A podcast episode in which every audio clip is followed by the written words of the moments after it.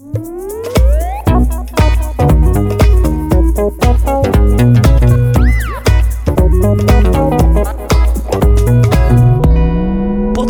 ar translēteri Blā.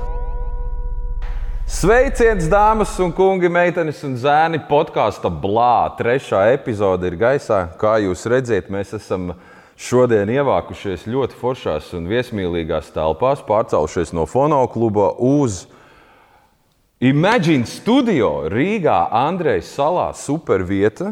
Es ne, nelielu reklāmu viņu uztaisu. Iemet, iemet, jā. Superīgiem pasākumam.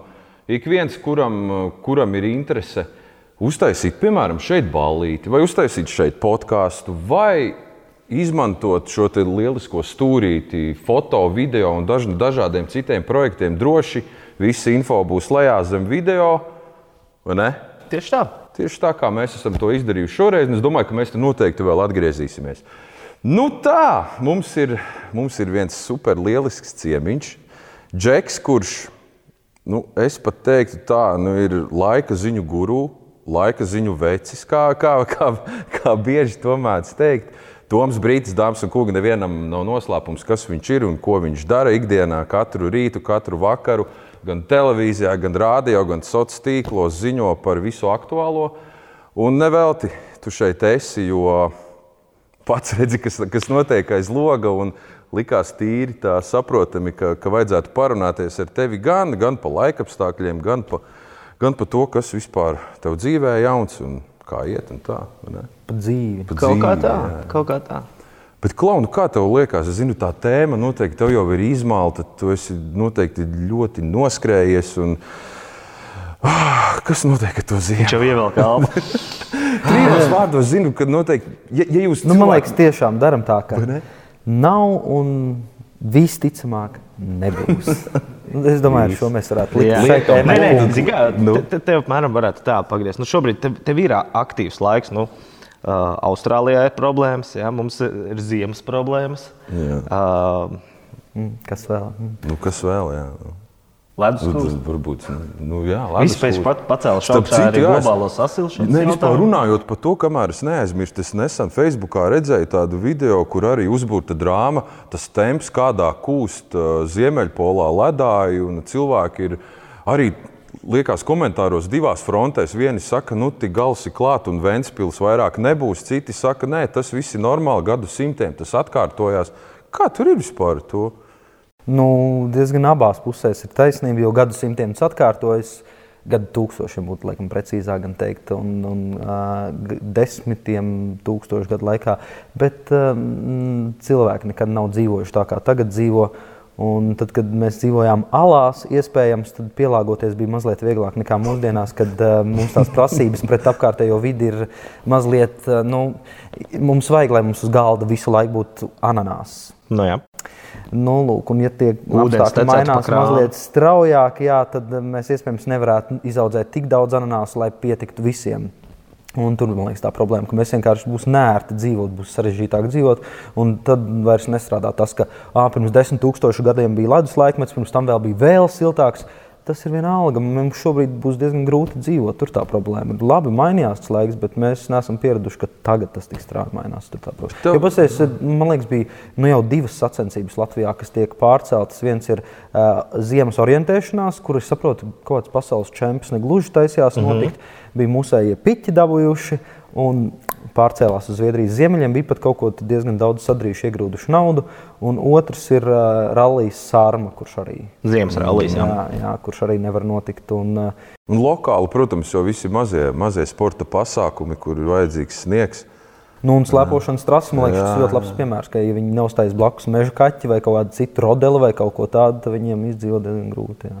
Vai diezgan depresīvi. esam Baigi visi. ātri iebraucām. Iebraucām tur, kur nevajag iebraukt. Es domāju, lecam ārā no tā visa. ne? Bet, uh, nē, es vēl paturpinot, bet uh, tu jūti ikdienā to, ka nevis tavā darba vidē, bet tīri tev mm, ikdienas, tavā rutīnā, dzīvē, tu jūti vairāk no cilvēkiem kaut kādu spiedienu. Nu, Tom, tu pastāsti, kas tagad notiek, vai tev pēkšņi sāk zvanīt privāti tur lauksaimnieki. Nu, nē, šodien tas noteikti tā ir, bet uh, Bet nu, es to nesaucu par spiedienu. Jā. Vismaz nu, es kaut kā īpaši pēdējos gados esmu pieredzējis, ka kaut kā baigi tā. Nu, man ir atbildes uz šiem jautājumiem, es tās sniedzu un daudz līdz nepārdzīvoju. Diemžēl, ja es Mm. pārdzīvotu visiem līdzi, tad man būtu jāpārdzīvo visu laiku, jo kādam vienmēr ir slikti. Nu jā. Karsta vasara kādam ir par karstu, augsta vasara kādam ir par augstu. Un tas tiešām, jo tas, ka šāda ziema daudziem patīk, arī ir fakts. Arī man īstenībā diezgan labi patīk šāda ziema. Mm. Jā, es arī nesūdzos. Tieši Un, nu, jā, bet nu, vaimanātāji ne, netrūks, bet nu, viņiem ir arī pamats daudziem. Jā. Jā, bet noteikti to arī esmu pamanījis. To, ka vispār cilvēki, noteikti ne tikai latvieši, bet vispār kopumā ir. Nu, Mūžs dienas čīkstais par tiem laikapstākļiem. Tad, kā tu saki, tad ir pakārsti. Nu, tad ir pēkšņi pa uznāk negaiss, tad, tad, tad atkal ir augsti. Un, nu, un visu laiku tev par kaut ko ir jāatcerās. Tas ir tāpat kā. Tad, kad tu satiecies ar kādu cilvēku, un tev īsti nav par ko runāt, tad vienmēr Nē, nē, tas, ir ļoti, tas ir ļoti labs jā, temats. Bet, nu, jā, tas ir gan vienkārši parunāt ne par ko, gan arī pačīkstēt, ja nav par ko pačīkstēt. jo Nu, ir- Un turklāt arī attaisnojumiem tas bieži ja tur laiks ir tāds, neiešu skriet. Šis, jā, šis ir īstenībā labs piemērs. Nu, ir dzirdēts arī no, no cilvēkiem, tur, zin kā, oficiālā darbinieki, piemēram, ah, tur šodien nevar saņemties ārā, tur tāds jā, laiks vai šī kaut kāds spiediens ne tāds, Kāds tur spiediens programma. vienkārši ej un dari, nu, aiztais tas aizkars ciet un turpini darīt. Tā. Bet, nu, Zini, man baigi, ka uz man darbs netrūks. Līdz ar to kādam mm. visu laiku kaut kas nepatīk, kaut ko gribas citu, un tad eh, parādās interese. Un, un tāpēc man ir prieks, ka es piedzimu Latvijā, nevis, piemēram, Alžīrijā vai Ēģiptē, kur laika ziņas neinteresē cilvēkus, un tur noliek televīzijā. Nu, vajag pēc ziņām kaut kādas laika ziņas, bet neviens īsti neskatās, noliksim smuku meiteni, kaut ko tur Jā. ļur, ļur, šmur, šmur, kaut Jā, ko tur. Te bišķi Latvijā, Visu laiku Latvijā silts un sauss. biznesa šitan, jā. Bet ir kāda valsts, kur, nu, izņemot Latviju, kur tiešām varētu būt baisais izaicinājums tādam čalim kā tev, meteorologam, kur nu, tev ir tā, tas laiks jāprognozē, bet nu, tu īsti tu zini, kad viņš var mainīties. Nu, kaut nu, mēs esam gan, nu, ja sadalītu nezinu, kādās trīs grupās, kad ļoti grūti prognozējams laiks, tur tā brīžiem tā, brīžiem tā, un tad pēdējā labi prognozējams. Mēs esam tajā grupā, kur ir grūti. Eiropā vismaz noteikti tā ir Skandināvija, Baltija. No Baltijas mēs īpaši jums ir Rīgas līcis, kas taisa visādus Brīnums. brīnums. Mm. Jā. Un, un tad ir uh, skoti, kuriem ir teiciens, ja tev nepatīk kāds laiks. Pagaidiet, 5 minūtes būs cits. Viņiem, viņiem ir vistrakāk. Jā, jā. Skotija un Norvēģijas rietumi tur ir vistrakāk. Bet, principā, jā, Latvijā ir diezgan liels izaicinājums. Mums gan nav liela stihiju. Līdz ar to tas izaicinājums ir par līs vai nelīs, vai būs slapjnieks vai būs lietus. Bet, uh, bet nu, tādu stihiju ziņā nu, tur, tur, vairāk Amerikas Savienotās valstis un kaut kas tāds. Nu, vasarā, vasarā arī daudz kur rietumē Eiropā, kad sākas negaiss. Bet, uh, bet nu, es domāju, ka šeit ir pietiekami daudz izaicinājumu. Mm. Klau, bet uh, varbūt kādam var likties. "Ai, Nu, kas tur grūts? Iet internetā, pilns ar, ar Aplikācijām. ar, aplikācijām, ar saitēm, kur var laiku redzēt, tur dienām uz priekšu. Ar ko tu, kāds tavs tas pienesums tajā visā? Um, tas ir diezgan labs jautājums. uh, Jo nu, tevi varētu tā... nomainīt pret aplikāciju. Nu, nu, būtības. nē, to jau, to jau var izdarīt, bet, bet redz, ka tomēr nē. Jo kaut kādu iemeslu dēļ, nu, man liekas, tas galvenais iemesls pirmkārt ir uh, mazliet cilvēciskot to stāstu par laikapstākļiem. Jo tie cilvēki, kuriem laikapstākļi interesē, varbūt reizi mēnesī vai reizi gadā, kad viņiem kaut kur savaigās, tad uh, paskatoties aplikācijā tos ciparus, 15 metru sekundē vējš. stiprs, Nav nejausmas, kā- nu, kā jā, tas ir, un līdz ar to, līdz ar to varbūt bišku to stāstu klāt vajag. Un otra daļa vienkārši, ka cilvēkiem, kuriem interesē laikapstākļi, un Latvijā tādu ir daudz, un interesē kaut kādas norises dabā, nu, es to bišu sapakoju, tā pielieku klāt vēl informāciju, un līdz ar to tas sanāk daudz mm, interesantāk, daudz vairāk jaunumu. Un, nu, izzinošāk, izglītojošāk un, un tādā garā. Jo nu, skaidrs, ka aplikācijā var, vai tas, kas ir kartē, laika ziņās, televīzijā, to jau pēc būtības varētu nolasīt. Jebkurš, mm. Protams, bet nu, tā, man liekas, tā papildus informācija un tās zināšanas, kas ir man, un tad kaut kā to visu sapakoju, un tad sanāk, sanāk tīri ok. Atceroties no bērnības, Viktors Zemgals noteikti bija tā ikona pirms tevis. Un, man liekas, pa vidu tur ah, nu, Mārcis Grigalis savu pildspalviņu. Jā. Tas vēl, tas vēl spēja, spēja tā ieinteresēt cilvēkus. Bet man liekas, tev tas bonus ir tāds, ka tu tevī klausīties ir forši, tev tas balss tembrs ir labs. Kaut kā māki arī tos sūdīgos laikus pagriezt kaut kā gaišāk. Par Viktoru Zemgālu runājot, es arī viņu atceros ļoti, gan nu, tā, ne, ne pārāk spilgti, jo man pat tiešām uh, traucēja, ka viņš stāv priekšā satelīta attēlam. Tā bija 90. gados, tā bija vienīgā vieta, kur vispār satelīta attēlus var ieraudzīt. Tā, wow, Jā, tad, tad viņš tur vazājās pa priekšu. Bet kas ir fenomenāli, nu pat bija panorāmai, ja nemaldos, 60 gadu jubileja pagājušajā gadā, aizpagājušajā jau jūku. Vienalga, nesen bija panorāmas 60 gadu jubileja un sanāca visādi veci kolēģi, seni un tā, un arī Viktors Zemgals. Uh -huh. Mm, es ar viņu mazliet paspēju tā aprunāties, un tā, un kas bija interesanti, manā galvā Viktors Zemgals arī ir tāda kā laika ziņu ēra bet viņš strādāja divus gadus par laikziņu vadītāju. Tikai? Jā, kas man liekas, jā, man bija grūti saprast, kāds tā ir. Jo vis, pirmkārt, visiem viņš ir, nu, Viktors Zemgals ir atmiņā kā, kā laika ziņu vadītājs, un, un man arī kaut kā šķiet, ka bija baigi ilgi, bet tad mēs izsacinājām, ka tas ir tādēļ, ka tajā brīdī Latvijā vispār nekā tāda nebija. Nebija atsevišķa laika ziņu, kā, ko pasniedz kāds vēl cilvēks, un tad viņš bija pirmais. Un, Un, un tāpēc arī tā palica. Un vēl, galu galā viņš bija Eolikas uh, daļais solists, kas droši, vien, kas droši vien vēl tam visam piedeva klāt. Bet kas tu varētu būt, ja tu nebūtu izvēlējies to profesiju? Tev ir vēl vispār kaut kādi hobiji, aizraušanās, droši vien. Es gribēju, tad, kad uh, man studiju laiks gāja uz beigām, sapratu, ka tagad būs vairāk brīva laika. Es gribēju pievērsties ornitoloģijai. Es aizbraucu putni. putni jā, es aizbraucu. Cilvēks ar putniem. Pieņemsim. Labi. Jā. Un es aizbraucu um, pūcēs. Uh, viens ornitologs uh, um, Twitterī bija ierakstījis, tas bija kaut kāds 2000. Desmitais gads, laikam, sanāk 11. Viņš ierakstīja Twitterī, ka viņš brauc pūcēs, un, ja kādam interesē, var braukt līdzi. Pieteicos, tā mēs pilna mašīnas, pat ļoti cieši mīļi sasēdušies. Aizbraucām kaut kur uz robežu pusi. Viņš, mēs iebraucām naktī mežā, viņš atvēra mašīnai visas durvis uz MP3 playeru uzliku. Uh, uh, uh, uh. Un, tad, uh, un tad sāka ap mašīnu riņķot viena meža pūce, kura domāja, ka tur ir viņas teritorijā iemaldījusies kāda cita pūce un mēģināja aiztriekt to projām. Bet, nu, tie bijām mēs, pūce ilgi tur tā ņēmās. Bet, nu, okay, tas bija diezgan interesanti. Bet tad es sapratu, ka lai tu kaut cik kļūtu par tādu ornitologu, un lai vispār, nu, ieejot mežā, nebūtu tā, ka tur atpazīst tikai pūci vai tikai kovārni vai kaut ko tādu ir Latvijā, nu, es baidos sajaukt, bet nu, 30, 40 putnu sugas, kas ir tāda izmēra pelēki. Zvirbulīši. Mm, jā, un, man ir pieredze ar šo monētu. Jā, jā, un tad es sapratu, ka, ka tomēr laika, nu, it kā patīk, bet es pieļauju, ka varbūt es vēl pievērsīšos.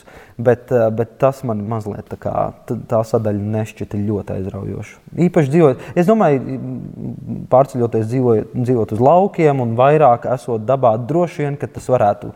Bet tādā Rīgas ikdienā, kāda ir šobrīd, tajā skrējienā, nav vietas tiem 30 maziem. Man gan ar putniem, gan ar meteoroloģiju bija pieredze LLU studējot. Jā, ar tiem putniem tu pareizi saki, tās bija tīrās šausmas. Mums tur bija vesela tāda pilna zāle ar tiem izbāziņiem un visiem latviskais, latīniskais, jā, un jā, tur vēl jā. kur viņš dzīvo. Un šausmas. Un starp citu ar meteoroloģiju tad valdi Pandalonu zini. Es nezinu, vai viņš, vai viņš par vēl māca Latvijas universitātē, LLU Jelgavā. Un uh, baigi interesantais čalis bija. Viņš mācīja meteoroloģiju un baigi interesantais priekšmets. Man, man patika, vienīgais mīnus bija tāds, ka uh, viņš baigi interesanti vērtēja.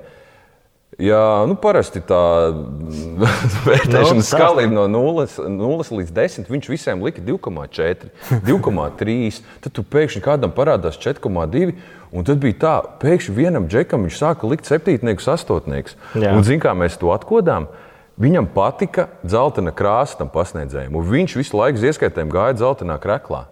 Saulīt. Reāli, nu, tā ir. Tāpēc arī šodien ir vispār tā, ka viņš tev skatās, nu, ir ieliks košinam čalim 9,3. Man, jā, jā. Nu, tā man 2,2. Iespējams, ka LLU ir ļoti slikti slikti ar meteoroloģiju, un es nezināju, kas tur pasniedz, jo man vienlaik vajadzēja pētījumus Latvijā par Kailsalu. Man bija viena sadarbība ar zemniekiem, lauksaimniekiem.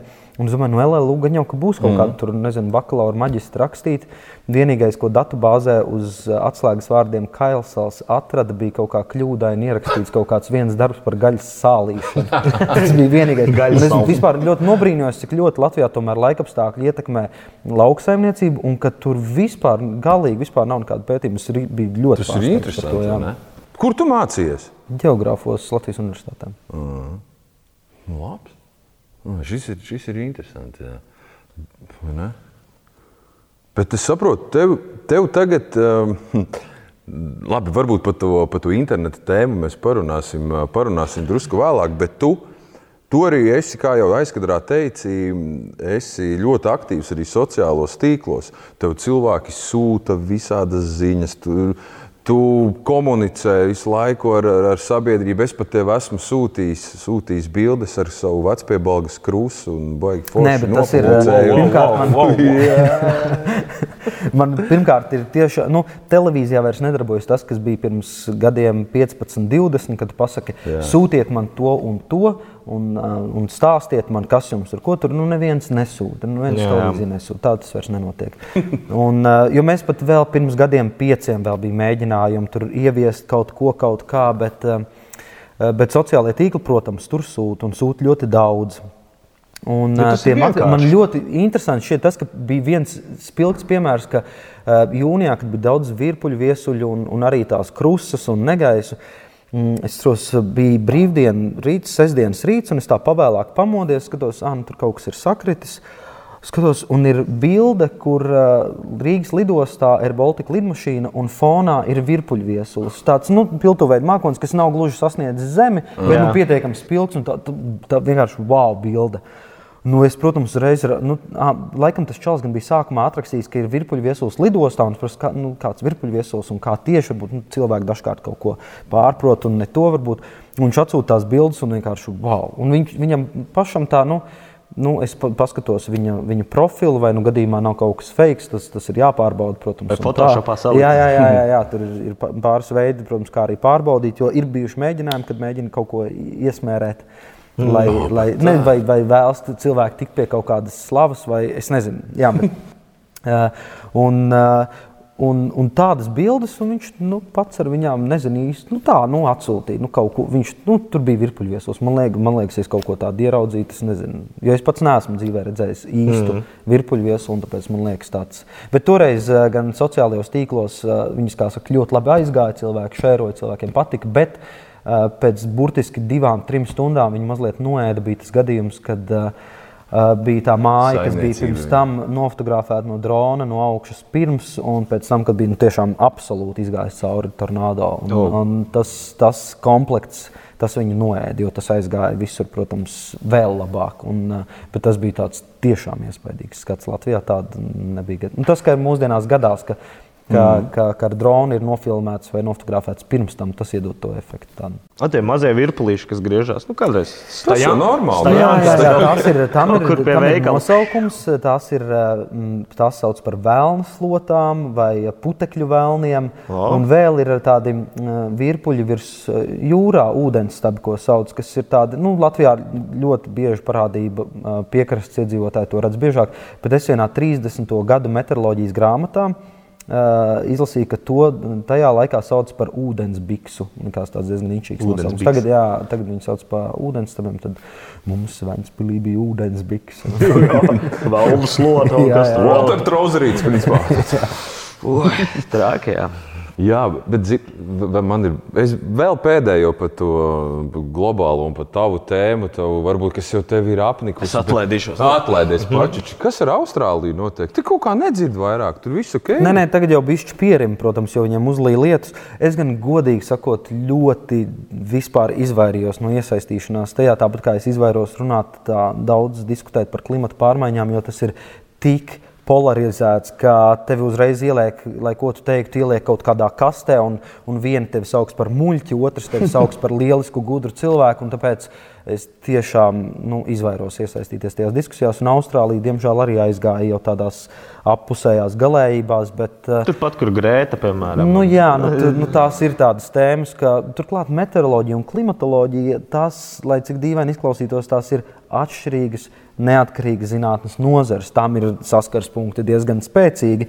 Un tajās vietās, kur saskarās, tas, tu, protams, es to runāju un stāstu, bet tā tīri pievērsties klimatam man pietiek ar meteoroloģiju. Ir pietiekami daudz tur, ko darīt, runāt, stāstīt, pētīt, skatīties. Klimatoloģija tas pat nu, globāli Nu, jā, tas ir- pārmaiņām, uz ko kas iet. Tas tā, pat, jā? nu, arī par pārmaiņām, bet tas ir pirmkārt tas ir par ilgu periodu. Mm. Jo nu, par klimata kaut kādām izmaiņām var runāt tikai tad, kad 30 gadu nogriezienī kaut kas ir mainījies. Mēs paņemam vienus 30 gadus, pēc tam nākamos 30 gadus salīdzinām. Ja tur ir kaut kāda izmaiņa, tas nav tā, ka viena ziema augsta, viena silta, tur un Jā, tā, un tad tur, ak, tu dievs, tagad kaut kas mainās. Tā ir klimatoloģija. un šit- Jā, un Un tas, meteoroloģija, dari, tas, kas, kas bija vakar un kas būs rīt, kas ir šodien, mm. tā ir meteoroloģija. Nu, jā, un, um, Uh, un tai, tai Austrālijai arī īpaši man, man tā, tā negribējās pievērsties. Jo tur tiešām ir daudz faktoru. Tur nav tikai vide, tur tiešām ir arī sociālie visi, ka tur tiešām mm. ir dedzinātāji, piromāni un visādi. Arī, mm. tas, arī tas, kā viņi uh, kopi zemi, kā viņi kopi mežus, kā viņi rūpējas par drošību vai nerūpējas par to.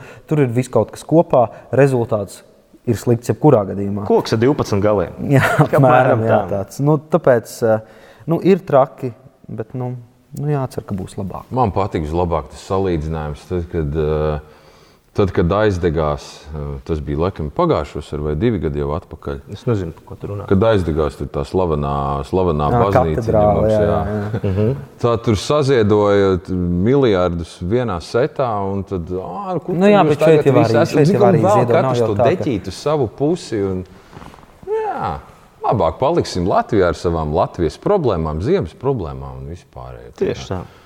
To mēs sapratām. Slēpot, visticamāk, neslēposim. Ejam uz trīs gada laikiem, ko var visos tavos kontos. Ja kāds tiešām vēlās informāciju vairāk par šo ziemu, ejiet Toma Brīča. Instagram, Facebook, Nu jā, visur tur kad jūs to varat redzēt. jā. jā. Bet, nu, jā, tā, tā, tā varbūt no malas var likties, ka tev jau ir varbūt jau noriebies, bet tas ir tavs darbs. Ne, tas, tas ir mans patīk. darbs. Jā. Nē, turklāt man tas patīk. Ir, protams, man nepatīk eh, runāt tā ļoti virspusēji vai kaut, kaut kādos īsos teikumos, ko es esmu runājis jau daudz un dikti, bet nu, tā runāt par to jebkurā gadījumā tas nu, nekas briesmīgs. Bet mēs varam parunāt par citām tēmām šovakar. Jā, mierīgi. Jā. Mierīgi. Zini, pa ko ok, es domāju, ķeramies, eh, ķeramies klātam. eh, Tas, kas man arī ļoti interesē par taviem sociālajiem tīkliem, un eh, tu jau aizkadrā teici, ka tev cilvēki ļoti daudz ko sūta, un ir arī kaut kādi tādi funny momenti, kas tev. Ir ļoti daudz, jā, jo tā saite tagad ar cilvēkiem, kas skatās un klausās, ko es saku, un, un tie jautājumi, kas viņiem rodās. Uh, Nu, ir ļoti daudz cilvēku, kuriem pavisam loģiski, un tas nav ne, ne pārmetums, ne man augstprātīgi vai kaut kā. Nu, loģiski, ka ir daudz cilvēku, kuriem interesē vai ir ieinteresējusies daba un laikapstākļi, bet zināšana nav pārāk daudz. Mm -hmm. un, un tas ir pilnīgi normāli, un kā saka, nav stulbi jautājumi, ir stulbas atbildes. Bet cik ātri piemetināšu, uh, tas sanāk tā, ka nu, Latvijā šobrīd, kur, kur var tādas bildes iesūtīt? Nu, savā Instagramā vēl kaut kur, bet reāli sūta jau tev tieši. Nu, jā, jā, ne? jā. Nu, nav tāda vēl, ah, nu kā Tomam, Jankam un Kārlim es varu aizsūtīt. Nē, nu, reāli jau. nu, nē, joprojām galvenie mēdīji, tur internetu mēdīji, tur Delfiem nu sūta jā, vai kam jā, jā. tur, kam tur bet, uh, bet, bet jā, sūta lielākoties jā, sūta man, un, mm. un tad parasti ir arī klāti jautājumi. Es jau redzu, ka tas ir ļoti labs materiāls, kas ir jārāda citiem, un, un tad es parasti pierakstu klāt komentāru vai dažkārt tur pat, pat video komentāru vai tam līdzīgi. Bet, nu jā, un, eh, un dažkārt ir arī diezgan muļķīgi jautājumi. Bet eh, es šoreiz ne par muļķīgu jautājumu vai kādu komentāru, ko es esmu Nu. saņēmis. Bet, eh, bet um, ir tā, ka nu, dažkārt man aicina arī uz skolām vai uz korporatīviem pasākumiem izglītot nu, biroju pēkšņi saviem darbiniekiem, izdomā kaut kādu izglītojošu pasākumu. Ļoti bieži uz tādiem es braucu. Un, un arī privāti cilvēki grib, lai es kaut kur piedalos, kaut ko pastāstu. Un Ģimenes man- lokā. Kā Jā. tas novadīt, piemēram? Ne? Nav, Eh, nav nu, bijis piedāvājums. Ā, vispār vienas kārtas točni ir bijušas.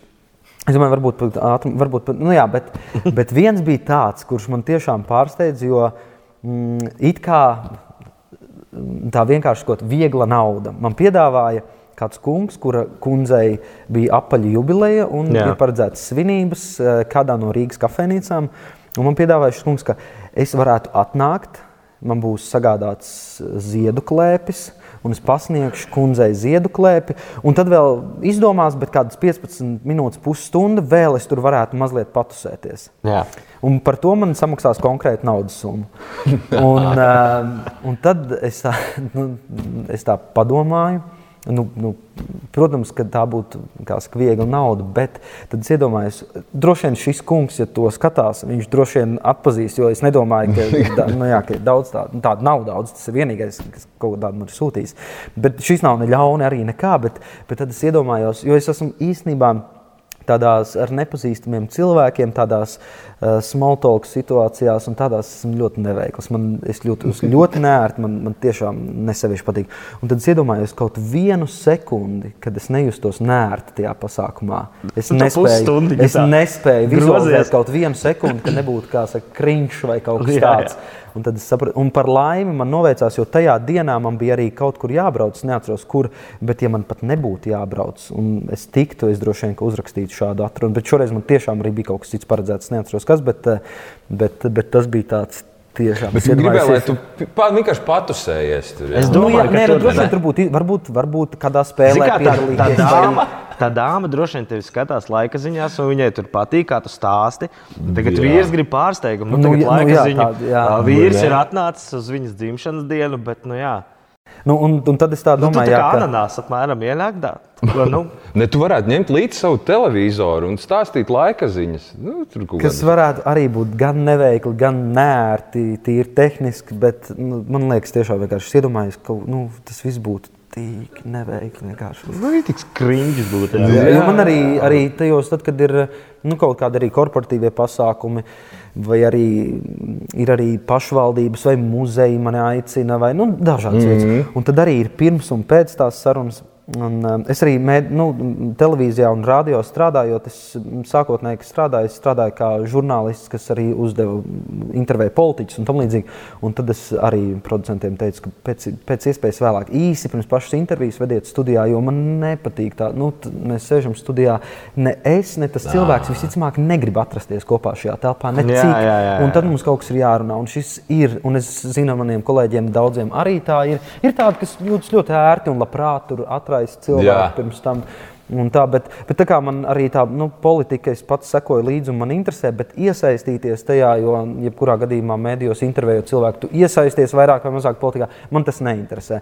Nu, lūk, un, um, Un tad man ir tajos pasākumos, kur man aicina. Man arī bija viens tāds pasākums vienā Ziemeļvidzemes uh, ciemā, kur es biju kultūras namā.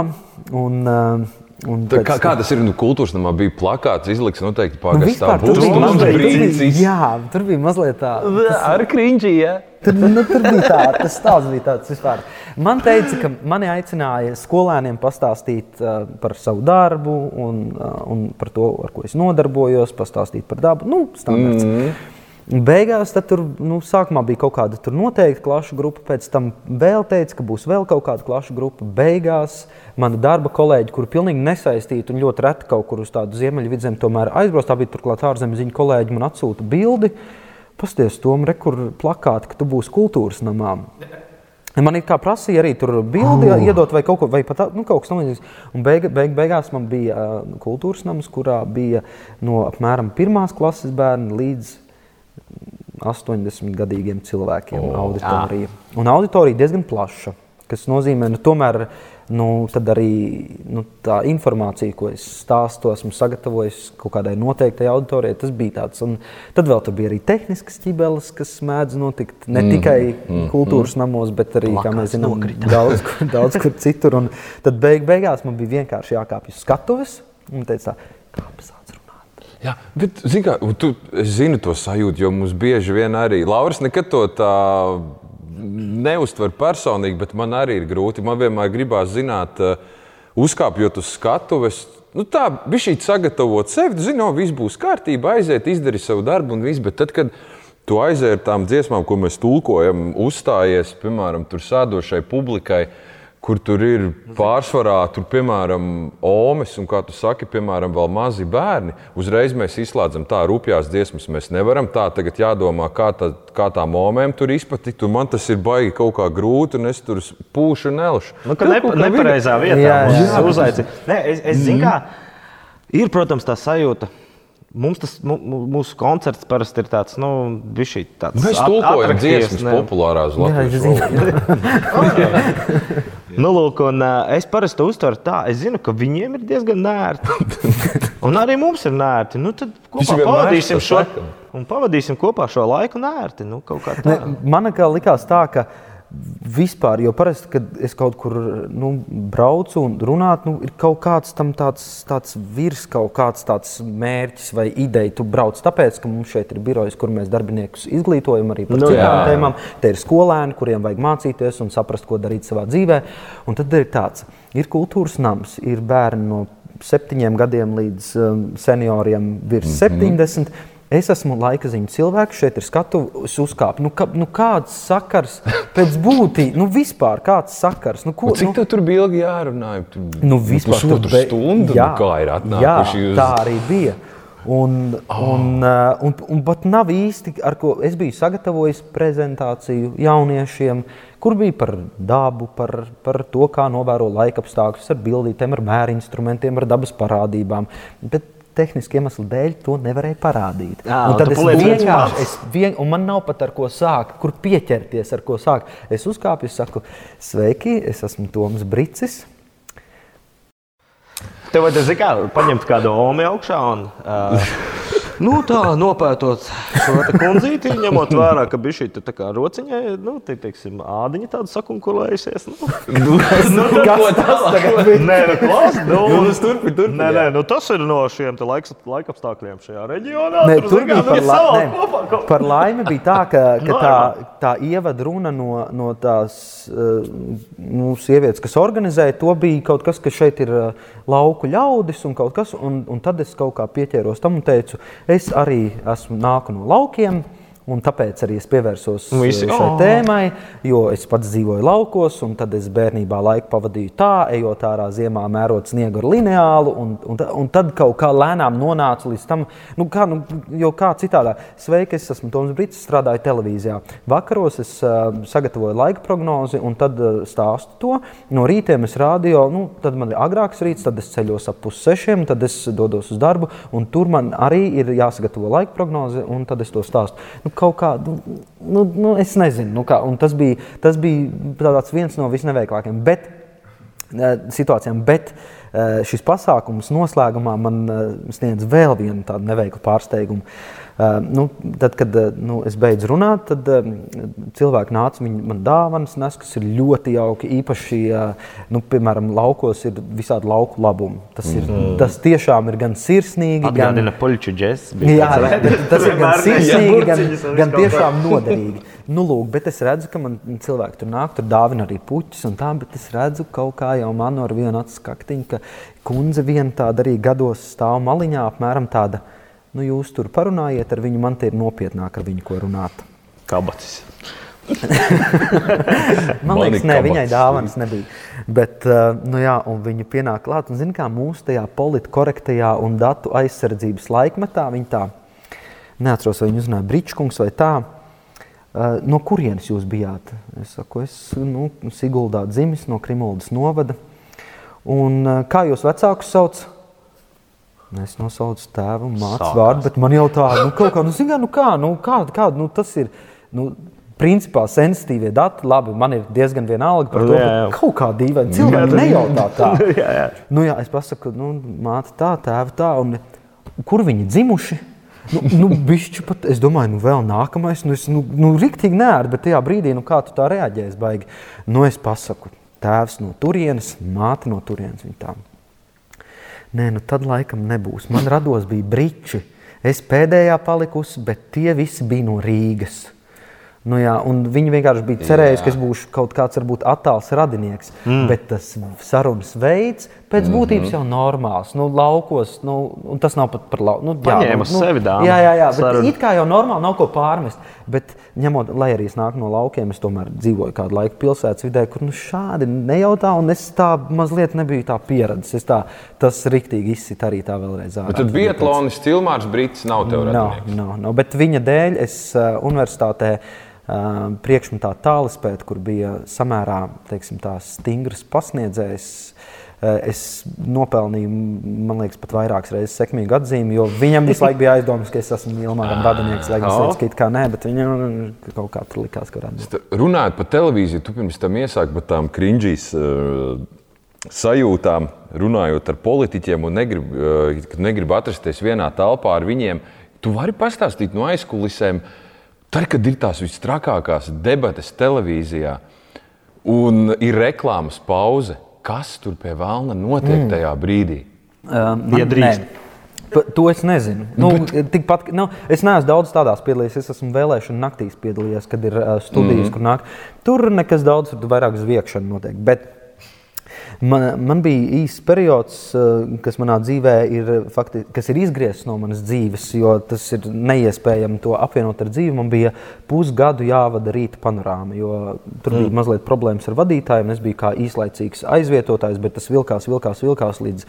Nu, tas bija diezgan smags dzīves posms, jo tev faktiski nav dzīves. Es abrīnoju cilvēkus, kas strādā gan Latvijas televīzijā, gan konkurē, konkurējošās televīzijās, kas, kas gadiem var to darbu darīt. Jo celies nenormāli agri, tu pa dienu pēc tam bišķi paguli, pēcpusdienā celies, gatavojies nākamajam rītam, un tas ir dzīve. Vēl labi, Visu laiku kaut kādā stresā Tas jādara. nav tā kā rāģiņā. Nē, nu, man liekas, varbūt, ja tas darbs ļoti patīk, tad droši vien ir vieglāk. Mm. Bet tā kā man tās četras intervijas, piecas no rīta, tas ir vienkārši nu, nu, tas ir diezgan smagi. Jā.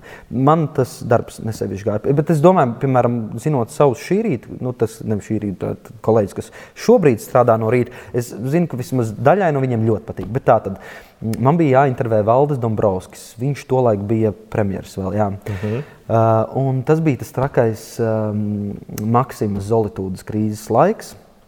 Un, uh, un tur bija, es, es detaļās pat atceros, kāpēc mēs viņu intervijas laikā nokaitinājām, bet nav jēga tur iebraukt tajos dziļumos. Bet, un turklāt uh, es negribēju viņam tā uzbrukošos jautājumus, bet tur bija pāris lietas, kur, kur kā saka, politiķus vajadzēja mazliet vajadzēja paņemt. Un viņš bija tik nikns, ka pašā beigās es pēc tam skatījos ierakstu, un, un es tā negribēju, bet tas mazliet tā izklausījās, ka es viņam sarunas beigās arī pateicu, paldies par sarunu un paldies par jūsu darbu. Un tas bija tiešām domāts tā kā, nu, sirds, jā, paldies par jūsu darbu. Un tas viņam kaut kā vēl. Un tas bija tā, ka mēs ar kolēģi, uh, nu, mēs divi tā uh, vadām to raidījumu, un mēs beidzam to sarunu. Mēs pagriežamies uz kameru, kur mūs redz divus, un es ar acu kaktiņu redzu, ka tur nav labi. Dombrovskis neiet vienkārši ārā. Viņš atver žaketi, kur ir mikrofons, viņš norāja viņu nost un met pret galdu. Un mēs tajā brīdī turpinām lasīt ziņas. Protams, kadrā ir dzirdams mazliet troksnis un tā, bet nu, nu, tā bija tāda, tāda tā bišķi, es pat teiktu, nu, tāds nu, bišķi mīksts kājas pat palika, jo, nu, premjeras tev met ar mikrofonu. Kas, kā, Un kāpēc? tu tagad it kā stāsti tālāk pārējās lietas un domā visu laiku, kas Jā, būs, jā, kas jā. būs. Un tas bija tāds, jā, un toreiz tas Pie bija, tā bija diezgan tāda Jā, traka jā. reize. Tā bija diezgan traka reize. Tur arī bija mazliet pēc tam, uh, neteiksim, gluži konsekvents, bet tad tas vēl mazliet paturpinājās. Bet tā bija tāda reize, kad turklāt mm. Dombrovs, ko mēs atceramies, tad, kad viņu ievēlēja, tad uh, Ausma Kantāna viņu vienai lācīt, viss būs labi. Nu, viņš parasti ir tāds, tāds nu, tomēr savaldīgs. Mierīgs, Es pat teiktu, gandrīz bez emocijām.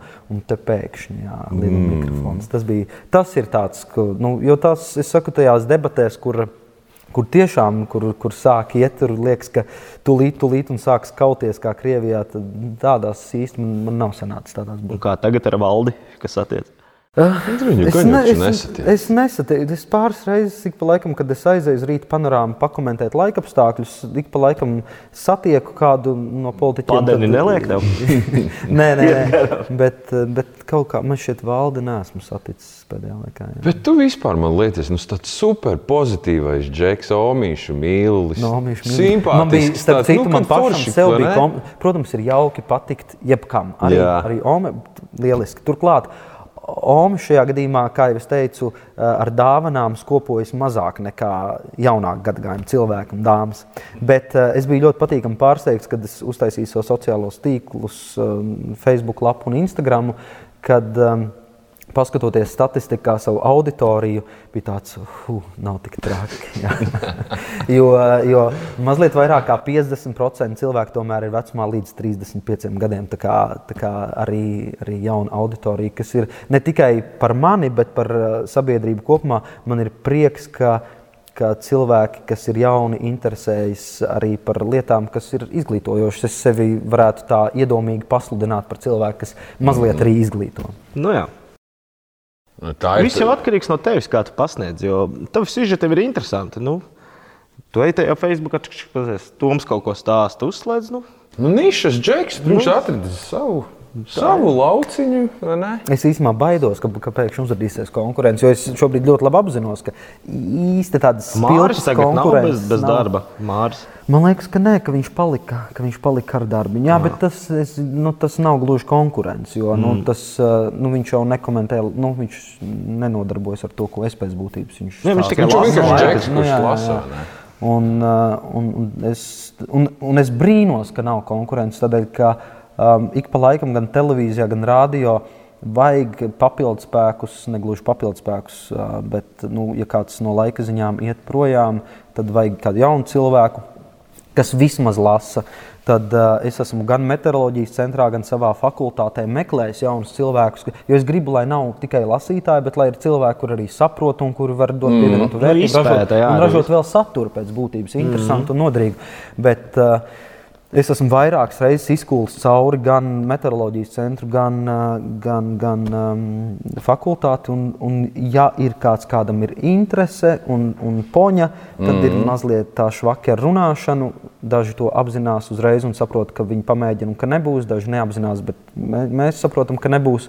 Un meteoroloģijas centrā gan tur izskatās, ka varbūt varētu būt, bet viņi kaut kā viņi ļoti noslogoti un viņi saprot, ka viņi īsti nevarēs apvienot ar darbu medijos. Un, Tā, bet es brīnos, jā, ka, nav, ka nav tā uzrādījies. Jo man liekas, tāda mums arī ir līdzīga niša. Mēs arī savu nišu esam paņēmuši. Jā, gājām. Mēs jau braucot uz šejienes domājam. Ka, nu, tās dziesmas tomēr nu, pietrūkst mums bišķi, ne? ko tulkot. Nav arī nemaz tik vienkārši. Ar laiku, ar laiku ir, man liekas, vieglāk. Laiks vienkārši ir. Nu, ne, nu, tas ir īstenībā diezgan līdzīgi. Laika apstākļi arī uz priekšu iet, rāda kaut ko priekšā. Nu, ne, tur jau tā lieta, ka ražo dziesmas. Nu, jā. nu, tā, mēs tādi parazīti esam. Tas satura plūdums jau ir tev, viņš jāsapako bišķi. Jā. Jā. Nu, jā. Jā, tev visu daba parāda priekšā. Turklāt, ja ir drausmīgi ilgi, garlaicīgi laika apstākļi, tad parasti es taisu kaut kādus, nu, nezinu, kaut kādus explainers vai nu, kaut ko tādu, kas ir nu, mm. nesaistīts ar laika apstākļiem. Bet tas ir ļoti labi, jo, piemēram, ja ir kaut kādas divas, trīs nedēļas bijis mierīgs laiks, atliek, nezinu, uzpūst, tur bišķi vējam, bišķi vairāk uzlīt, un tas jau ir wow, wow, wow, wow, wow kas cilvēkiem liekas, kaut kas interesants. Nu, tad to es tālāk pakoju, stāstu, kas tur un kā tur. Tāpat, piemēram, ar, ar, ar sniegu. Tagad bija šonadēļ viena diena uzsniga vidzemē. Man bija vairāki desmit vēstuļu, ar, kur bija pat pieminēts vārds apakalipse, Eh, šausmas, šitāds nav redzēts. Un, un tas ir normāli. Cilvēkiem ir ļoti īsa atmiņa, un tas arī nav nosodījums. Kā tāda ir cilvēka atmiņa, selektīva un īsa. Mm. Un atliek tāpat kā par negaisiem vasarā. Vasaras mums ir relatīvi īsas, negaisu nav pārāk daudz. Katru vasaru es vienkārši dzirdu, un cik reizes šī tāds negaiss nav bijis. Augustā, man liekas, kaut kad ap to laiku nav kaut kāds. Nē, nu ir jau gan, ir gadās, ne augustā it kā biežāk, bet gadās pagājušā Jā. vasarā bija jūnijā vistrakākie. Bet tas, ka tas tajā brīdī ir tik iespaidīgs un tāds wow, ka tie iepriekš ir aizmirsušies, un šis liekas tā kā tāds - šitāds nav bijis. Jā, jā. Jā, jā. Un tādi katru gadu ir tādi, kas nav bijuši. Un, Un, un tāpēc tas mierīgais laiks, un tas, ka mums mainās gada laiki, paspēja aizmirsties, kāda ir vasara, nāks vasara, atkal būs ārprāts, ārprāts tas un tas. Un tas jau nav, es saku, tas nav tā, tādi cilvēki ir, un, un tas padara dzīvi tādu bišķi interesantu. Man liekas, nebūtu, es saku, Alžīrija, Ēģipte, Meksika nu, ne man būtu darbs, neinteresanti dzīvot. Nu, tad tad tev vajadzētu uzkačāties sievas sitamajā maiciņā. Nu, tā kā tur dāmas jā, jā, jā, jā, jā. Tā, nu, tā, lai pievērstu uzmanību. Nu, ko? Nu, labs. Es domāju, darām tā, paņemam bišķiņu pauzīti, un tad ķeramies, ķeramies klāt vēl tur kaut kam, ne? Ķeramies. Tad ir? Jā. Padod. Bla bla bla bla bla bla bla. Un tad, ko esam atpakaļ? Līdzīgi, oh. kā, jā, viss labi. Jā, viss ir labi. Līdzīgi kā ar mūsu otrā podkāstu viesi, ar Tomu ir tieši precīzi tas pats. Viņš ir sociālos tīklos mega populārs, un viņš ir cilvēks, kurš noteikti neuztraucas par to, cik tev ir sekotāji, cik viņi lēni nāk Kā tu klāt. zini? Man tā izskatās. Ne? Ja tu, Viņš tā čiliņā sēž. Nē, nu tā, nē, nu, jā, nu, tas notika man neticami strauji, cik cilvēkiem daudz interesēja. Ka, jā, es sākumā, sākumā es satraucos, vai tas vispār vai cilvēkiem Vai interesēs, interesēs, jā, jā. ko es tur daru. Bet tagad jā, tas tā. Tu skaitīsi, es, cik tev, nu, vai tā pievērs uzmanību, cik tev ir tie sekotāji.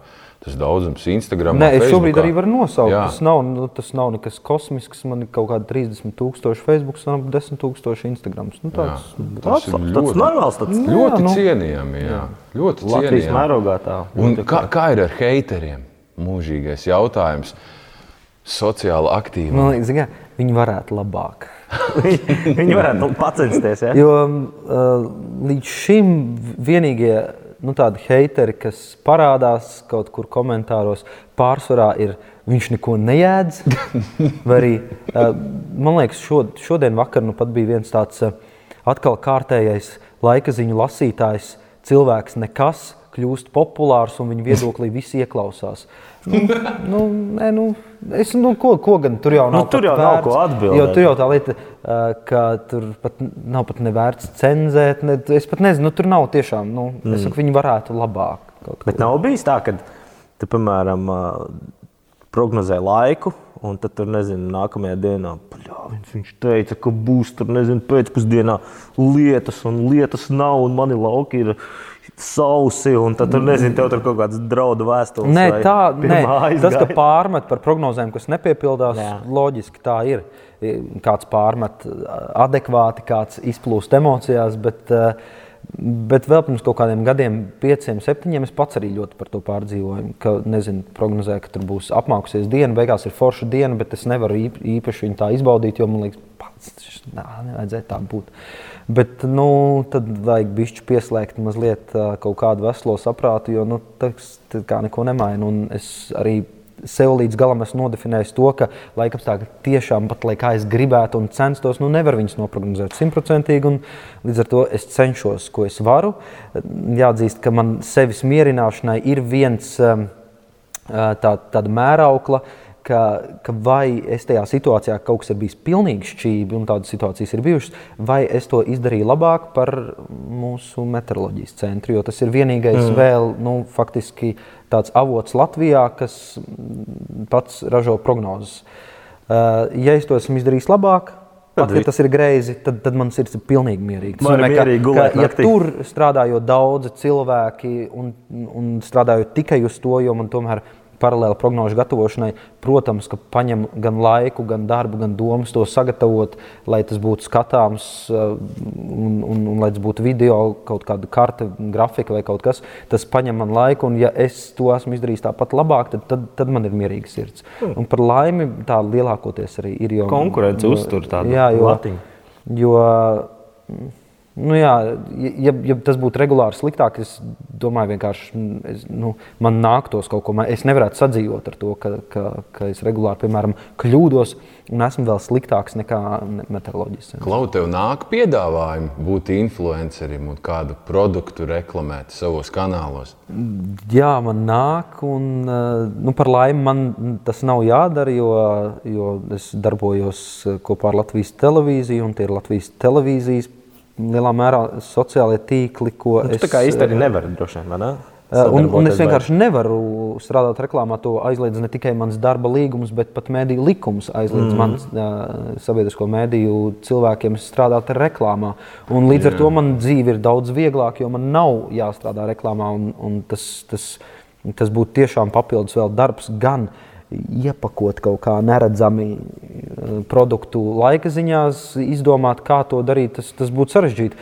Bet, eh, bet man ir nākuši piedāvājumi, visbiežāk ir bijuši apģērbi vai, vai ir bijuši atpūtas parki, mazie zoodārzi. Es tieši par šo domāju. Jā, Bet, bet zin kā, Nu, vai viņi spēj, nu, tie piedāvājumi, kas ir nākuši, vai viņi tādi nu, pa tēmu, vai tur nav, nezinu, nu, buļbuļsāļu kubiciņu. Nē, tā, jā, tāda īsti nav. Smadzenes uzstājas, domāju. Nu, ir tādas jau tādas lielākas, kas ir, kur sociālajie tīkli būtu tikai viena no kampaņas sastāvdaļām. Tādi ir mm. bijuši, gan, protams, arī mm. lielie kaut kādi mūsu veikalu tīkli, degvielas tirgotāji un tam līdzīgi, bet, bet tur nav nekādu variantu.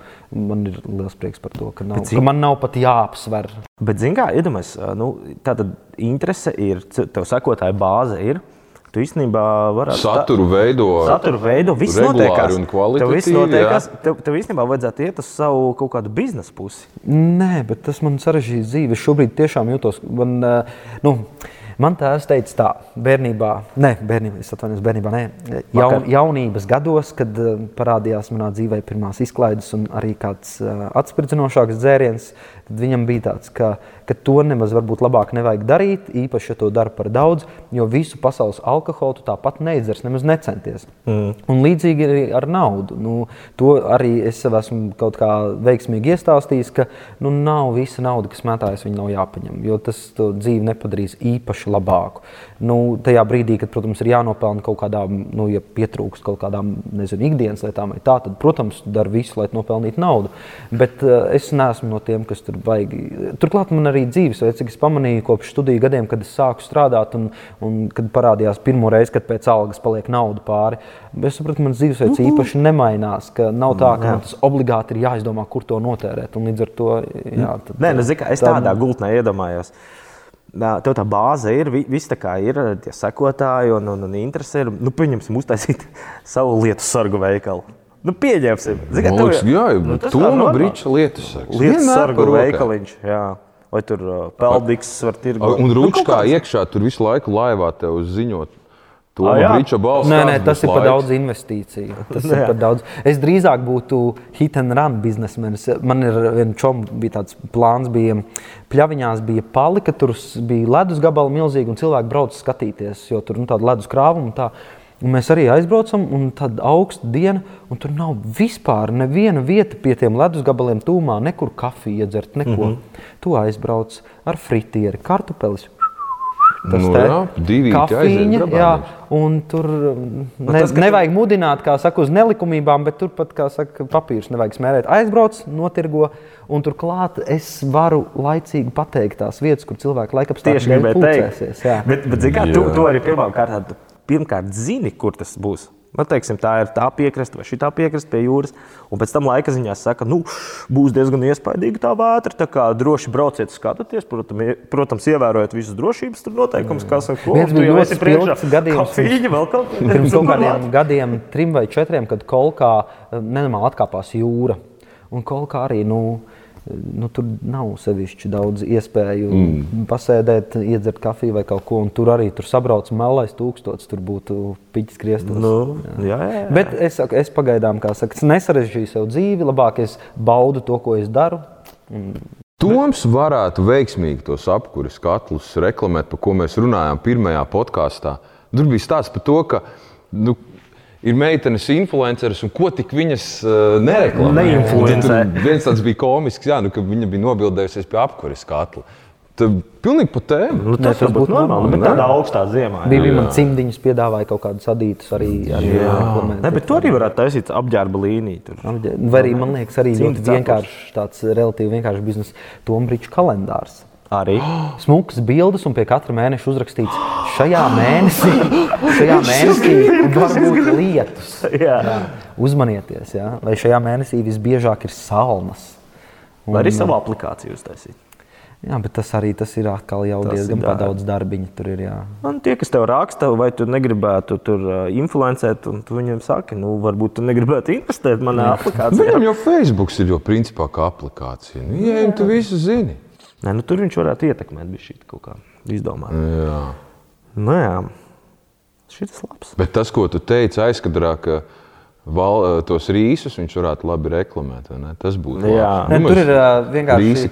No es arī man ir nācies to apgūt, bet man arī pašam tīri labi patīk nu, vieglā tādā līmenī video montāžu un šādus tādus efektus. Jo, um, es nemaksāju nevienam par to, ka manus video blogus arī kāds montētu, vai kā es arī to daru pats, gan pats filmēju, pats montēju. Un, Kā um, visi mūsdienās. jā, principā. nu, jā, jā, jā. Un, um, un tur būtu bijis vēl jāapmācās, lai to uh, krustas graudiņu vienu aizvietotu ar Valdo rīsu. ar rīsiem, jā, jā, piemēram, jā, jā. jā, jā. Tas būtu, tas būtu Nu, jā, pagrūti. mēs runājam par to, ka uh, rāda krusta un ik pa brīdim arī kāds valdā rīsiņš. Mēs paši tikai montējam, bet mums ļoti palīdz Džeks Mārcis, bija tā izskatā. Es aizmirsu pateikt. Jā, un viņa kolēģis Un viņa kolēģis skumjais džemperītis. skumjas džemperīts. jā. Tā kā šautots viņam, Jā, viņš ir Mārcis arī kāzus filmēja. Kas tad varat viņam rakstīt? viņš rāda, ka nē, labi, nebūs. Okay, šā reklāma. Šī Neveiksmīga reklāma. deveiksmīgi, deveiksmīgi. Klau, besīgā lieta. Tre, trešais podkāsts ar besīgo lietu. Labi, man nav nekāda tāda kaut kāda viena maza besīga lietiņa, lai gan, kad, uh, kad, eh, kad jūs man teicāt, ka tādu vajadzētu, es savā ikdienā mēģināju ik pa laikam atcerēties, kas man tā rīktīgi izbasīja vai kā. Mm. Bet man ir tāda liela besīga lieta. ok. Nu, daudz lielāka nekā es rādu. Kaimiņi ir liela. Tas ir veftilts. Vēf tilts. Ah, ok. Jo tur ir- Pastāsti. Nu, vienkārši, nu, es dzīvoju teikā, un man ir tādas dienas, kad man sanāk viņus čārsot kādas sešas reizes. Mm -hmm. Un, jo man darbs ir no rīta, man darbs ir vakarā, tad pa dienu es esmu mājās, citreiz vēl kaut kur jāskrien. Un tad ir tā, ka tu ej ar kājām, brauc ar riteni, brauc ar mašīnu, brauc ar sabiedrisko, brauc kā gribi. Tur ir pretī. Bēdīgi, Tur vienkārši, nu, zini, kā, Ļoti labi. nu, tā, ka, nu, pirmkārt, jau man ir te varbūt kaut kāda kultūras un vēstures mīļotāja un cienītāja iebildīs, bet man liekas, ka bruģis būtu jāatstāj vecrīgai un, un pārējām vietām. Tomēr Tā ir. Nu, un tā ir tiešām lieta, ko es gribētu. Nevar teikt, uzspridzināt man vēl. Jā, Nu, labāk. Bet tad es, es ieteiktu to pārbūvēt. Es iesaku to pārbūvēt, jo tā ir lieta, kas nenormāli besīja. Un vēl viena lieta, kas man ļoti besīja. Uh, Es uh, ikdienā izmantoju uh, ābolu, ābolu Jā. produkciju. Un es pēdējos gados esmu sapratis, ka tā ir tāda čērņa. Es pirms diviem gadiem nopirku datoru, un pirms gada nopirku telefonu. Nomainīju. Viens ražotājs, un viņus pat nevar sajūgt ar vadiem kopā. Kad tas ir vispār prātam netverami, cik, cik viņš ir aizbraucis tādā. Un es, es šobrīd pilnīgi nolēmu, nākamreiz, kad es mainu telefonu, mainu datoru, es, jo it sevišķi par to naudu. Nu, vienmēr ir bijis tas mm. savā starpā. Tas starp- Androidu pārējais Jā, un- Androids un, un āboli. Jā. Un man vienmēr liekas, man tiešām es neiesaistos, man ir ērti, es to lietoju, un es vienā brīdī attopos, ka tas riktīgi nav ērti. Pilnīgi Nevar pats Es, atklāt. esmu, Jā. es esmu viens no tiem, kurš pārgāja no iPhone uz Android. Es uzreiz varu pateikt, plusus, kādus es pamanīju. Es varu normāli filmēt ar telefonu, visu kaut ko. Arī nu, tagad jau arī iPhone ir normāla kvalitāte. Bet vienā brīdī bija tā, ka man liekas, viss pārējais gāja bišķīt pa priekšu. Tu vari normāli, ah, gan safilmēt daudz, ir normāla atmiņa viņam, tu vari vēl ielikt SD karti klāt. iPhone tev ir jāpērk uzreiz tam Tas ir baterija viens. ir mazliet ilgāka par Jā, sešām stundām. Tieši tā, plus tu vari tos failus normāli ārā dabūt. Un tas ir Tas tas, kas arī. man ir. Tur jau normāli iesprūst vādu, izņem viņus, izeksportē ārā, un viss ir, viss ir kārtībā. Un Jā, un vēl tie vēl. USB, kas neeksistē tam kompam, un vēl nu, tur vienkārši Vai tā ne? nespēja Jā, sajūgt lietas Labs. kopā. Un man vēl izdevās nopirkt tādu lietu, ko es nezināju, ka kaut kas tāds mūsdienās var var eksistēt. Ārējais cietnis. Kur piesprāžot pie kompja, un tā ir reāla lieta, ka man viens čoms teica, ka tā varētu būt problēma. Es teicu, ka tā nevar būt, un es sagūlēju, un tā ir ārējais cietnis, kurš strādā kaut kādā dīvainā frekvencē, kas momentā bloķē mm, Wi-Fi. Un līdz ko piesprāž pie kompja cietni, pazūd internets. Un tāda lieta, un es sagūlēju, ka ir čels, kurš Xbox ir ielicis to, un, un to ražo normāla kompānija. Un tas nav rakstīts, ka tu to pērci, un viņš ir ielicis Xbox tādu, un vispār tu neko nevari izdarīt. Jo man ir tā, man ir, man ir es principā 5G cepurīšu virzienā, jo tad, kad to cietni ar vadu aizliek tālāk un uzliek virsū bleķa bļodiņu, Oh, cool. Ah, starp Jā. citu, tev arī bija Laura Fēls, tu man stāstīji, ko es arī, man liekas, es pirmais pamanīju, un tad es tev izstāstīju. Nu? Uh, Lukoila benzīna tankos pārdot tos uh, lādētājus, nu, tos uh, ķupsīšus, kur tu iesprūdi un pēc tam vadi un lādē mm -hmm. telefonu. Tad, kad tu viņu iesprūdi, tad rādio neiet. Atceries, tu stāstīji, tu jā, visu Norvēģiju bez. Bet Es kas izbraucu. Norvēģiju un neskan rāģiņš, zin kā. Un... Es pēc tam aizbraucu pie čomu servisa, nomainu antenu, beigās saprotu, ah, tas ir tas, tas, Jā, tas, tas jā. Man liekas, kā mūsdienās ražot kaut kāda tik konfliktējoša ierīce. Vai ne? Kā, Vai ne? nu, Es no sākuma Tu domāju, zini, kur kaut viņi kāda- tu spraudīs. Nu, jā, tā, es domāju, ka datu drošība mums kaut kur varbūt settingos var atlikt, ka ok, man vajadzēs internetu. Neviens nezags man datus no šejienes. Jā, Bet nē, izrādās tas ir Jā. vienkārši. Jā, izrādās tas vienkārši nedarbojas. Tas kaut kāds hackera cietais disks. Jā, tās ir, man liekas, tādas manas lielākās problēmas uh, Dzīvē. dzīvē. jā. Man arī ir besīgā lieta, atkal šoreiz sagatavota. Bet tā vairāk ir mm, mana, mana paša problēma. Man rītīgi besīja tas, ka es ātri aizmirstu cilvēku sejas.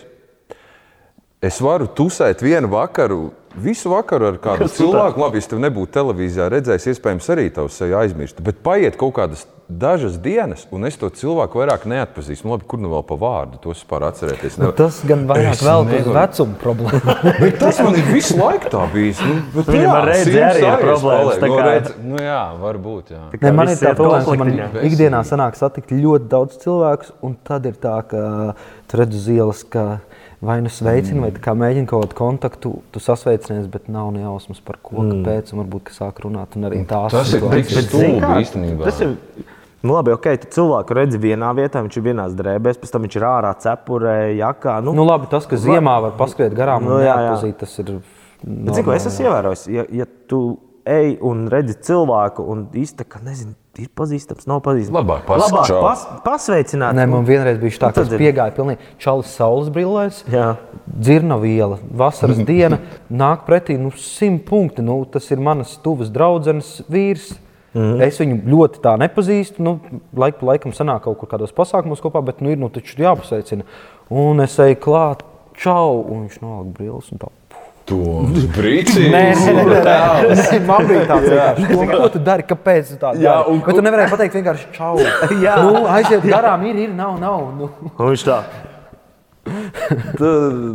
Tas ir tā sajūta, ir tik besīga. Jā. Tas ir laikam tas maksimālais krīņš. ne? Tas ir, tas ir stulbi. Kad tu jā, sāc pēc tā. runāties ar cilvēku, un tad tu saproti, ka nē, tas tomēr nav tas, un kaut kā, mm. kaut kā jāmēģina īstenībā man, mana besīgā lieta ir kaut kas stipri līdzīgs tieši par ko mēs uh, šobrīd mm. runājām. Um, nu, tas ir tā, ka tu esi kaut kāds nozares pārstāvis, varbūt uh, nu, tur pišķi zināmāks. Uh, Īstenībā jau Latvijā, nu, ja mēs tā ņemam, nu, tur kaut kādi mūziķi un santehniķi nu, pēc būtības jau ir apmēram nu, vienā tādā līmenī. Nu, vienkārši- katrs dara savu Nu, darbu. katrs dara savu darbu, vienkārši mūziķi ir vairāk atpazīstami. Tu stāsti laika ziņas, un tu arī esi atpazīstams. Ja tu sēdētu vienkārši pie kompīša, nu, neviens tevi nezinātu. Nu, tā pēc būtības. Un tad ir bieži vien tādi, nu, kaut kur, nezinu, parasti arī mistiskās vietās uzpeld kāds cilvēks. Tu no translatoriem esi. Mm, jā, Nu, ko man tagad darīt? Nē, ne? un tad tāds, zin, tāda sejas izteiksme, tad saviņot. Uzdzied. Un tad, zini kā, nu tā, un tad tā domā, "A, kā tas vispār nu, tā būtu iespējams. Nu, kaut kā, kaut kā, ja es tiešām, oh, jā, vai laba ideja. Tagad tu Kā tu pasēdi, es- iedomājies? Jā, pasēdi, Jā. iedod man tumbas, kuru mēs varam iesprāst. Mums zeķi vēl pasaukšu, ātri, lai atbrauc kopā. Varam. Jā, jā, jā. Nu, Es vienkārši tā, tā iedomājos. Bet jā, šis bija arī, man liekas, jau senos laikos Fredis ar UFO stāstīja, ka arī kaut ko korporatīvos vada vai kā novadīt un iet projām. Bet nē, tur veči, protams, sadzird, izstāst kādu joku. Jā, jā, tu taču esi smieklīgais. Bet man ir vēl ļoti nērta situācija, kad draugi vai paziņas kaut kādā nu, kompānijā tā kaut kur parādās kāds cits cilvēks, viņu draugs vai paziņa, iepazīstinot ar mani. Viņa, nu, tas ir Toms no televīzijas vai kā. Un, Jā. bet loģiski ir miljonus cilvēku Latvijā, kas man nezina. Jā, jā. Un tad man it kā ir jāsajūt slikti, ka man neatpazīst. Bet es tā it kā nejūtos. Jā, normāli, jā, jo- tas jo arī. Tīpaši pirms es biju sociālajos tīklos, kur tiešām tā atpazīstamība ir, es jūtu krietni lielāka parādās. Ka televīzija, ņemot vērā, cik maz īpaši c- cilvēki līdz 30 gadiem, cik maz skatās televīziju, tas ir pilnīgi normāli. Tas ir, tas ir ka vēlkās līdz televīzijai tāds, ka apmēram ka, tā kā 90. gados, ja tev parāda televīzijā, visi Nu, tevi zina. Man ir Nu, tā tagad, ir, taču, tagad ir nu, tā, ka nu, televīzija tiešām nu, nu, nu, mm, par laimi vai, vai diemžēl. Bet, nu, un tad ir tā neveiklā situācija, ka nu, vai man jājūtas nērti, vai tas cilvēks varbūt jūtas Jā. nērti, ka viņš kaut ko, ka, ka es varu Nu, kopā. žēns. Un, ne- un tas ir Un tik to viss pretīgi, jā. sačakarē, tas viens, un rekur, Jā. rekur eģis, viņš tak tur dzied, un viņi tur, tur dzied. Un uzdzied, Eģi. Ne viņš viņu zina, ne, ne es viņu, ne, tu, nu, pilnīgi. Un tad tu Visi nērti jūties. un- Ne, bet jūties tu vainīgs par to, ka tu tagad kaut kā, nu, tev it kā būtu pēc teorijas jādzied līdzi, jā, es esmu tas dziedātājs, Jā, mēs jā, tur jā, taisām jā. joks, un esmu nenormāls, smieklīgs. Zini, nu, un tā, viens, visi tur aplītī, viens otru skatās, nu, labi, parunājam pa laiku. labāk. Un tad ienāk Toms. Un reku tieši Toms. un pastāst pa laiku. Ne, kā, par to savu besīgo lietu es tā vienkārši iedomājos. Nu, uzdziedi, ok, tas tā kā vēl bišķi loģiski būtu, bet, nu, kad satiek kaut kādu, nu, tur satiek, un tas ir Toms no, viņš vada laika ziņas.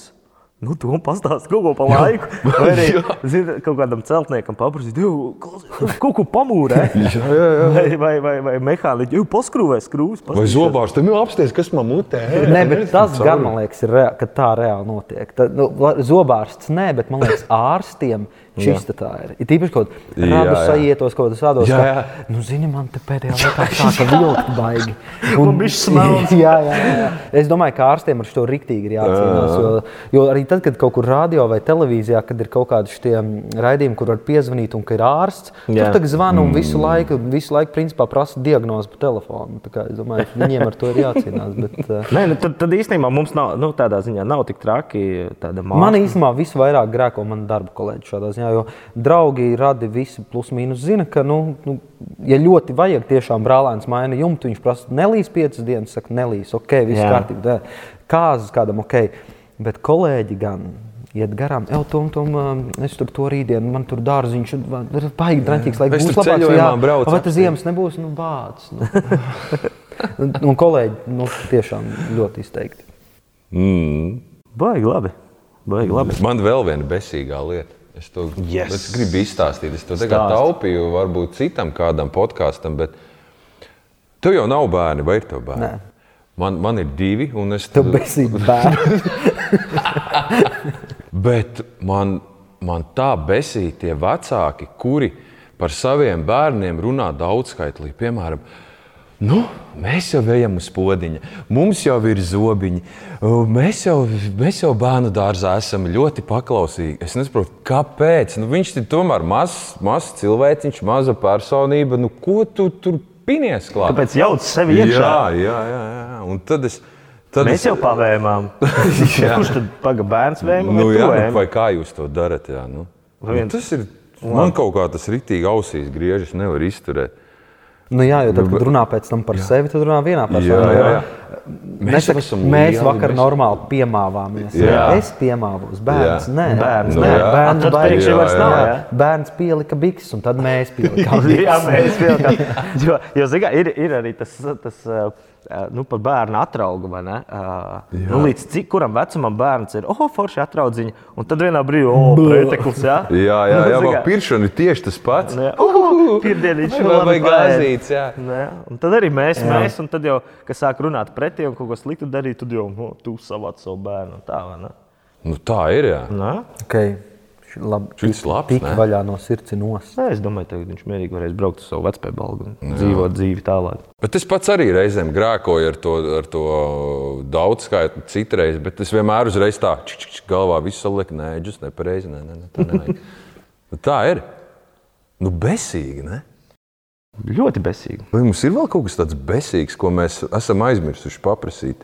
Ah, starp citu, jā, par besīgām lietām runājot, mēs, mēs aicinājām iepriekšējā podkāstā komentāros. Jūs droši varat eh, rakstīt uh, savas besīgās Nu, lietas. vai kāds ierakstīs, man besīja brīdis. Jā, lai mierīgi. Ko viņš var te gudrot? Droši rakstiet apakšā. Un, un, un, uh, Jā, nu, Jo no, vairāk būs, jau labāk nekautrēties. Nevajag tādus, kā, kā tie iepriekš rakstīja. Man besīk, ka visu laiku jā, jāpārgriež pūkstens. Nē, nu, labi, nē, jau tas ir normāli. Ne, man ļoti patīk. Es ceru, ka Tev patīk Jā, tas? man arī patīk. Man rudenī patīk, var ilgāk pagulēt, bet A, nē, mums ir ar draugiem tāda tradīcija, ka pavasarī tajā nedēļas nogalē, kad pārgriež, mums, mēs rīkojam pasākumu, kas saucās diezgan tāds triviāls talsu bradājums, bet tas gan nenotiek talsos. Tas pirmo reizi notika talsos. Jā. Un tagad būs jau, man liekas, 14. gads. Ja tu visu to dienu pirms pulksteņa pārgriešanas ej garā, garā pārgājienā, Jā. vakarā ir pirts ar atspirdzinājumiem, Jā. tu no rīta pamosties. Un pieņem laiku, kāds tas ir. Un viss, un tas strādā. Un viss. Un nav nekāda pazudusi stunda, vai kas tu pamosties. Bieži Kā tev ir, tā ir arī tāda sajūta, ka laiks ir pēdējais, par ko tu domā. jā. Un tad, kad tu kā saka, esi atgriezies kaut kādā nebūtu ritmā, pulkstenis ir 9, 12. Nu, Izcili, kā ir tā? 9, 12.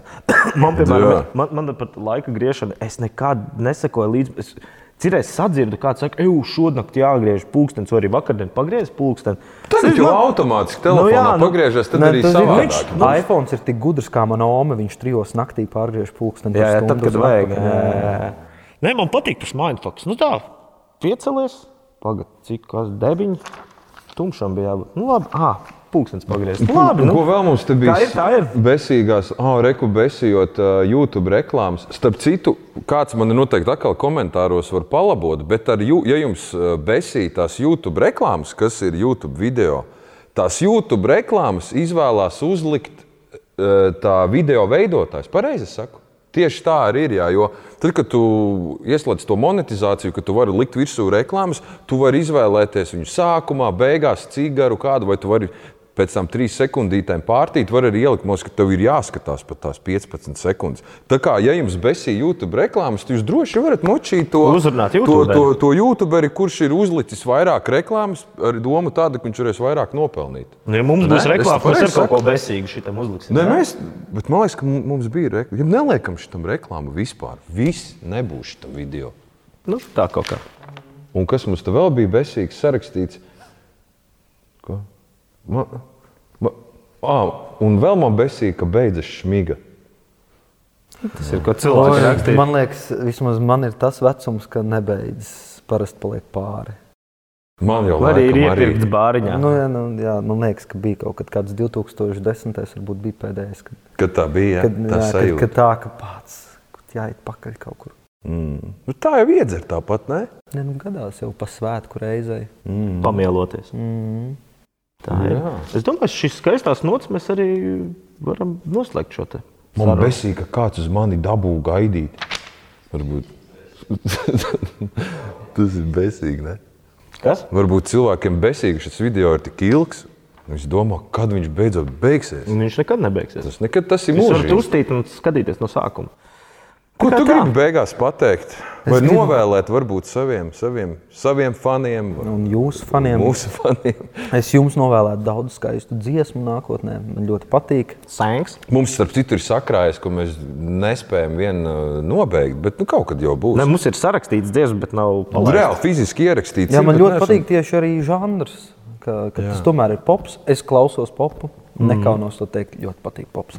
To man patīk. Pops. Jā, un, um, un es novēlu visiem mums um, jauku šo laiku, ko mēs pavadām kopā uz šīs zemes. Jā, ok. Būs labi. Super. Ā, bet pagaidām mums ir jānobeidz podkāsts. Jā, nu būtu labi. Tev jāpasaka, nevis tā kā tu, tu kādreiz pateici ēterā, bet tev jāpasaka, ir uh, vienkārši kamerā. Blā. Es esmu kamerā, ja? Mm. Blā.